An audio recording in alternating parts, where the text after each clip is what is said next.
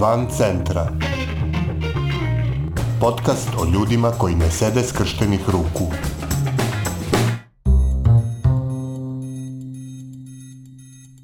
Vi slušate jubilarnu 60. epizodu podcasta Van centra, koji prati napore ljudi iz cele Srbije da poboljšaju kvalitet života u svojim sredinama. A kvalitet života svakako unapređuje i kontakt sa životinjama. Osim što su zabavni, nije redkost da se posjedovanje kućnih ljubimaca i briga o njima savetuju i u terapeutske svrhe. S druge strane, nebriga o kućnim ljubimcima i njihovo napuštanje stvaraju razne komunalne probleme u lokalnoj sredini o čijem rešavanju neko mora da se pobrine. Taj neko su najčešće pojedinci i organizacije koje se volonterski bave udomljavanjem i drugim vrstama pomoći nezbrinutim životinjama. Pritom su obično uvek u pitanju psi ili mačke lutalice, o kojima je briga relativno jednostavna i ne previše skupa.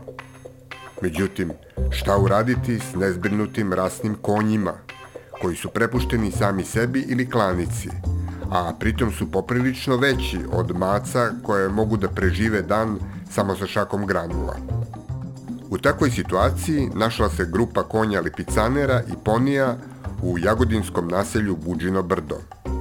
O tome kako izgleda njihova životna priča, ko im je pritekao u pomoć i kako je nastala konjušnica Buđino Brdo, razgovaramo sa Lanom Trajković, volonterkom novoosnovanog udruženja Ljubitelji konja Medox. Priča počinje kada jedna starija gospođa rešila da spasi četiri konja koji su se nalazili na nekoj farmi koja je odlazila u stečaj pa je onda njihova sudbina najverovatnije bila klanica. Međutim, njoj je bilo žao, ona je rešila da otkupi te konje, da pokuša da im spasi život, što je bila jako plemenita ideja, ali s druge strane i nije bila toliko promišljena. I onda je ona, mislim, kupila te konje, krenula da im sređuje štalu, kupovala je placeve, je sve bilo lepo, do jednog trenutka kada su se konji razmnožili, bilo ih je već 11, i ona više nije mogla to finansijski da izdrži, nije mogla više zdravstveno to da podnese jer je ipak starija žena koja osim što ima puno godina imala i zdravstvene probleme, pala je, polomila je kuk, išla je na štake, a čuvanje konja je mislim prilično komplikovano i za više mlađih ljudi kamoli za jednu stariju ženu. Tako da iz te njene plemenice ideje zapravo desilo se to da su konji postali zapušteni i bukvalno su bili životno ugroženi. Konji su e, lipicaneri, imamo osam lipicanera i tri poni konja. U suštini ta četiri konja bio je jedan poni konj i tri lipicanera. Ona je njih otkupila. E onda su se oni posle razmnožavali, tako da su u suštini sada smo stigli do osam lipicanera i tri poni konja koji su ovaj, živjeli na Buđinom brdu u Jagodini. To je i dalje žive tu Buđino brdo je jedno naselje u Jagodini gde ima prilično mesta u prirodi, jer nije baš u gradu ali jako blizu grada. I kad je ta gospođa dospela u probleme e, sa održavanjem tih konja, pojavili su se neki ljudi, volonteri. Ko su oni, to jest ko ste vi i kako ste saznali za tu priču? Ta žena je, dakle, e, pozvala jedan stariji bračni par koji mogu da kažem slobodno da su stup naše organizacije Ona je znala da se oni brinu ovako o životinjama, mačima i kucama napuštenim i ona je njih zamolila za pomoć. Pozvali su neke mlađe ljude, tu je bio jedan dečko koji je moj, moj drug, ja sam se isto uključila, mi smo se tako, nismo znali šta ćemo. E, pokušali smo da, da pričamo sa njom, da konje otuđimo, da prodamo, međutim ona jednostavno nije mogla da se odvoje od njih, jer ipak ona je dosta ulagala u njih i ona je na njih gledala nekako kao na članove porodice. Tako da smo došli do nekog, do nekog dogovora sa njom da ovaj, napravimo udruženje, udruženje ljubitelja konja Medox, koji će se brinuti o tim konjima. Za uzvrat ona će nama dati konje i taj plac na korištenje, dakle konji su i dalje njeni, plac je i dalje njena, ali mi se sada brinemo o njima. Tako da nam je to delovalo kao jako dobra ideja, ne samo da spasimo te životinje i te konje, već da i napravimo neko lepo mesto u Jagodini gde će ljudi moći da se druže sa životinjama, jer to nije tako često, mislim nije često ni videti konja baš bar u Jagodini nije, verujem da i u drugim gradovima nije baš česta pojava.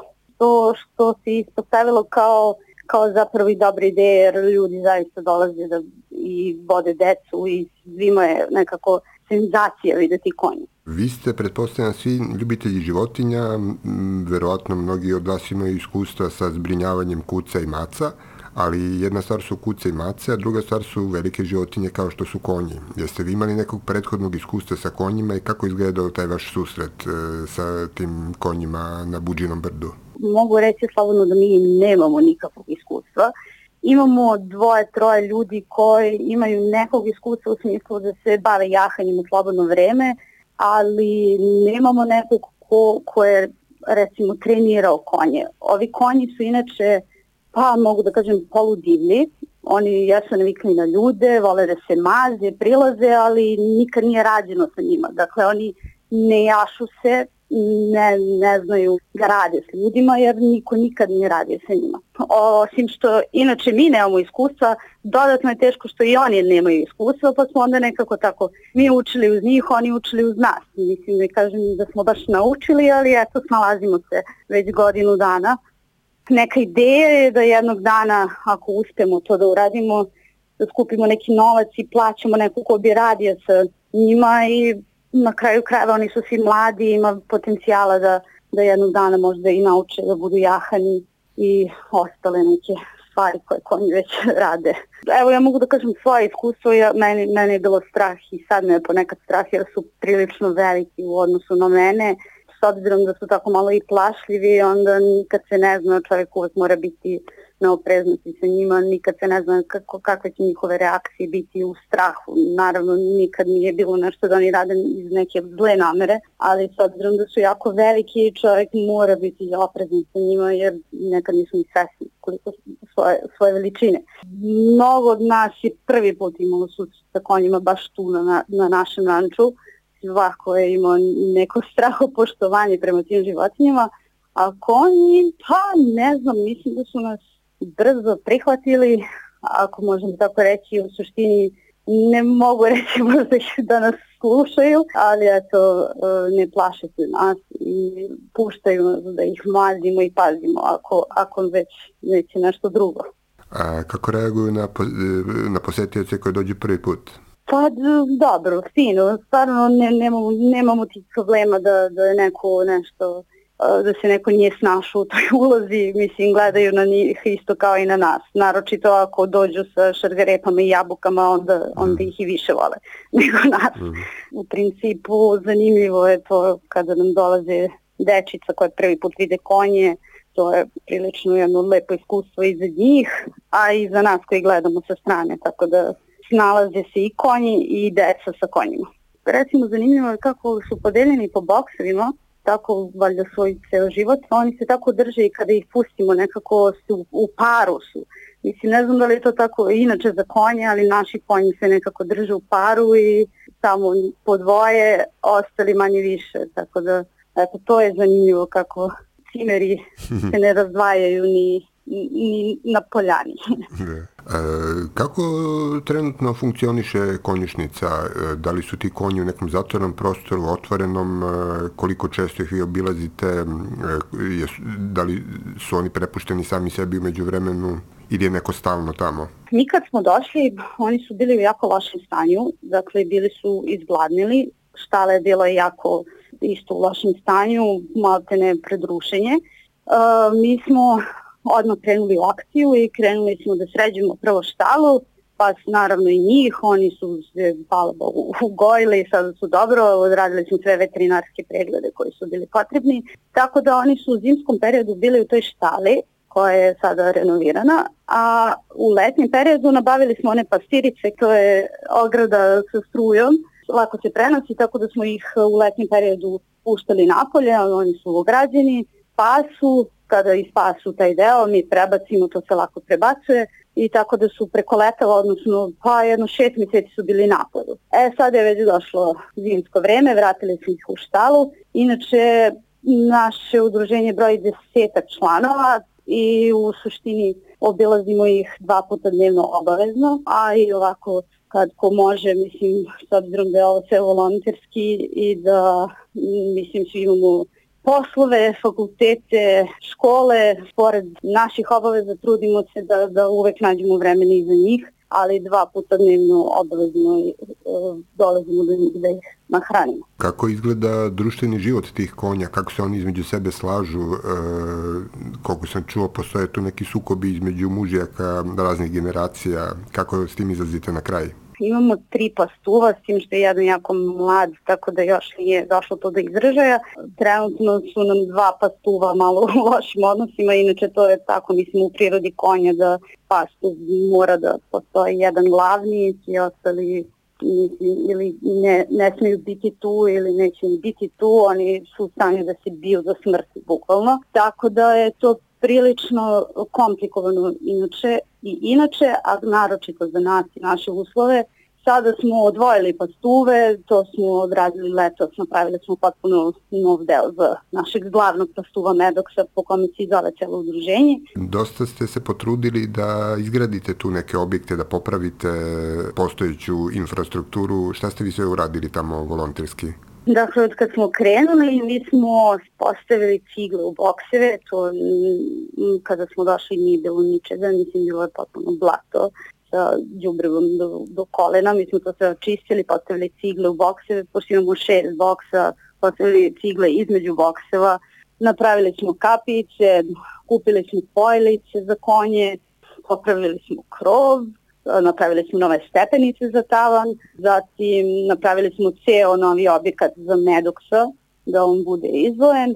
Sada trenutno i dalje traju do duše radovi, nadam se da uskoro privodimo kraju, pravimo bokseve za pse i neki prostor gde bi bio recimo za nas i za posetioce da može da se sedi kad smo kod pasa, tamo na Buđinom brdu konji nisu jedine životinje o kojima vodite brigu.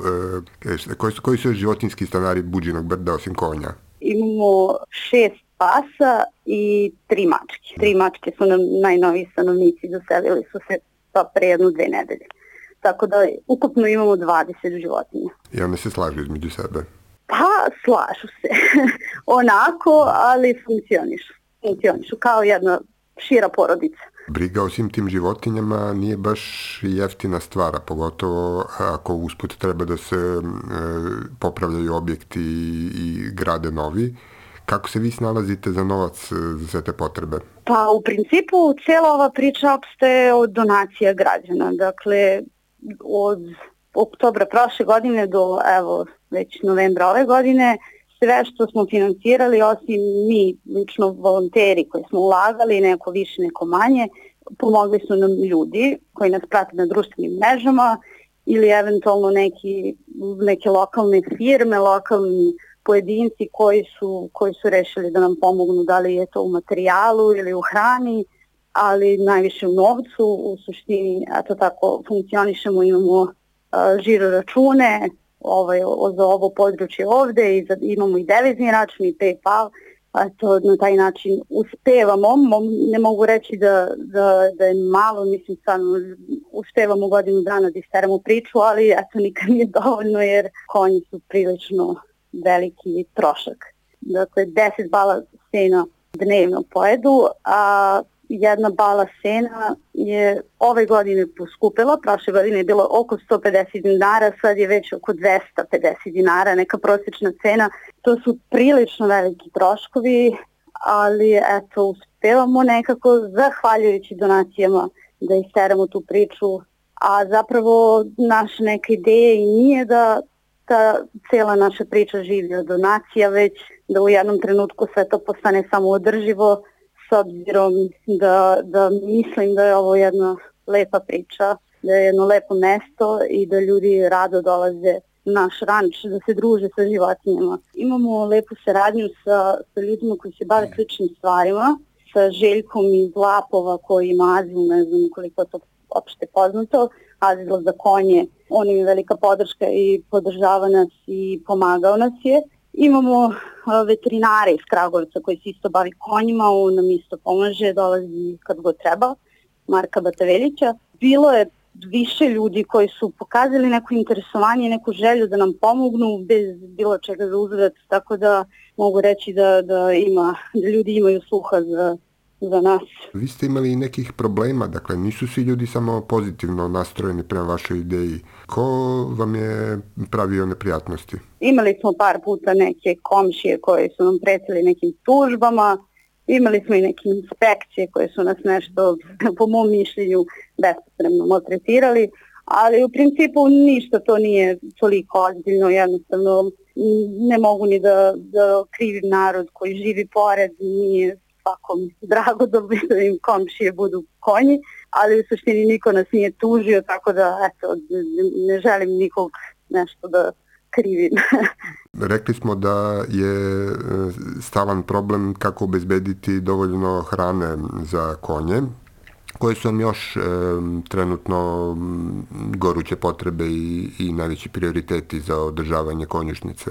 Pa u principu ono što je nama najviše potrebno, osim naravno e, financija, uvek su nam potrebni volonteri, ljudstvo je uvek malo, nas ima desetak, možda 15, ali naravno ne dolaze svi uvek, mislim neki dolaze jedno mesečno, neki dolaze svaki dan, zavisi, to stalno tražimo nove volontere koji bi pomogli bilo kako, mislim jedno mesečno da neko dođe, da da prisustuje nekim radovima, nekoj radnoj akciji, značilo bi nam. Naravno, financije za hranu. Za sad smo obezbedili sve veterinarske ove intervencije, sad smo to završili što se tiče tih nekih redovnih stvari koje, koje su konjima potrebne.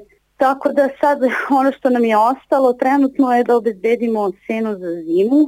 To bismo trebali da uradimo baš do kraja ovog meseca, da obezbedimo što više, da oni mogu da imaju do, do kraja zime. Koji su vam planovi s konjušnicom i sa konjima za budućnost? Pomenuli smo e, da ste zainteresovani da e, konjušnica postane samo održiva, dakle da bude otvorena za posetioce? Pa, u suštini za sad nam je cilj da završimo te bokseve za pse i taj prostor gde bismo sedeli mi, a i posetioci, možda eventualno neke klupice ili tako nešto, mislim, neka ideja nam je da napravimo neke spoljne bokseve kod štale, da oni mogu da budu stalno i unutra i napolju, da ne moramo mi uvek da ih izvodimo, pošto je to iziskuje dosta vremena. A što se tiče posetioca i što se tiče naših planova, pa naravno to nam je, to nam je zapravo i primarno da, da to cijelo mesto postane jedno turističko mesto. Mislim, sad već jeste, na, nama, nama su celo leto dolazili ljudi i sada nam dolaze ljudi. Mi smo ponekad organizovali vikendom uglavnom dane otvorenih vrata, pa smo pravili i neke događaje, manifestacije da su ljudi mogli da dođu, da se druže sa konjima. A ovako preko nedelje nam se isto javljaju, pa mi javimo kada smo mi tamo, pa onda oni dođu. Kako ti zainteresovani ljudi mogu da pomognu i da stupaju u kontakt s vama, gde mogu da vas nađu na, na internetu? Pa imamo dakle društvene mreže, imamo Facebook, imamo Instagram stranicu, na Facebooku se zovemo Konjušnica Buđino Brdo, Udruženje građana Medox, na Instagramu smo samo Konjušnica Medox, tu mogu da nas kontaktiraju, u suštini imamo i mail, svakako piše na, na stranici, ako je neko u Kozini Jagodine može doći i da, da volontira ili da da nekako, neki drugi način doprinos, to je to. Je to. Bila je ovo epizoda Van Centra za 17. novembar 2021. godine. Nove priče o ljudima koji ne sede skrštenih ruku moći ćete da čujete u sredu 24. novembra. A umeđu vremenu pridržavajte se mera zaštite od koronavirusa, čuvajte svoj i tuđe živote i ne ćutite pred glupošću i nepravdom.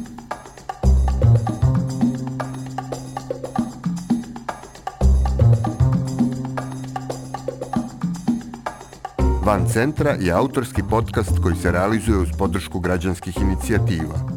Stavovi izneti u emisiji nisu nužno stavovi redakcije podcasta Van Centra, niti udruženja građanske inicijative.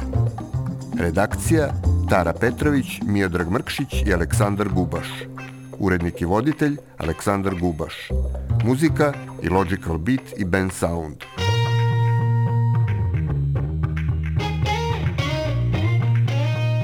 Van centra. podcast o ljudima koji ne sede skrštenih ruku.